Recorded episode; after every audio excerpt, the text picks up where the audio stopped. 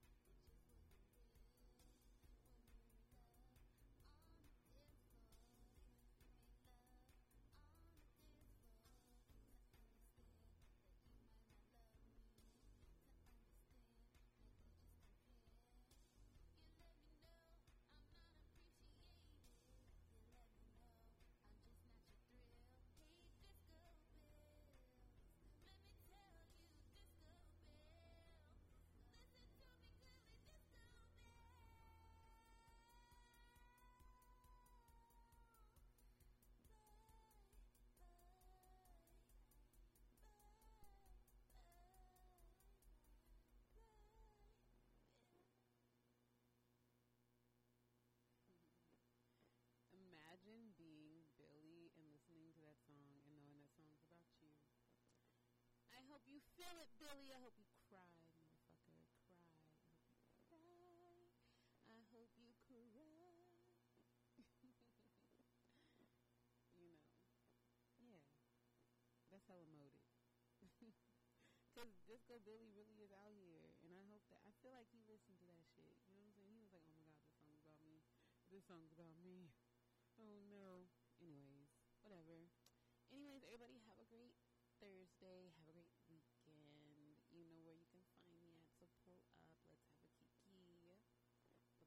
don't talk to me about ketamine, about the following drugs, because I don't fucking do them and I don't want to hear about it, okay? Don't tell me about ketamine. Don't tell me about meth. And for sure, don't tell me about no cocaine. I don't care about these things, and please don't offer them to me. Um, yes. All right. Now that we know, now that you know, because I get tired of that all the time. You want to do some ketamine? No. Why is everybody on ketamine in the Bay Area? Like, why? Why?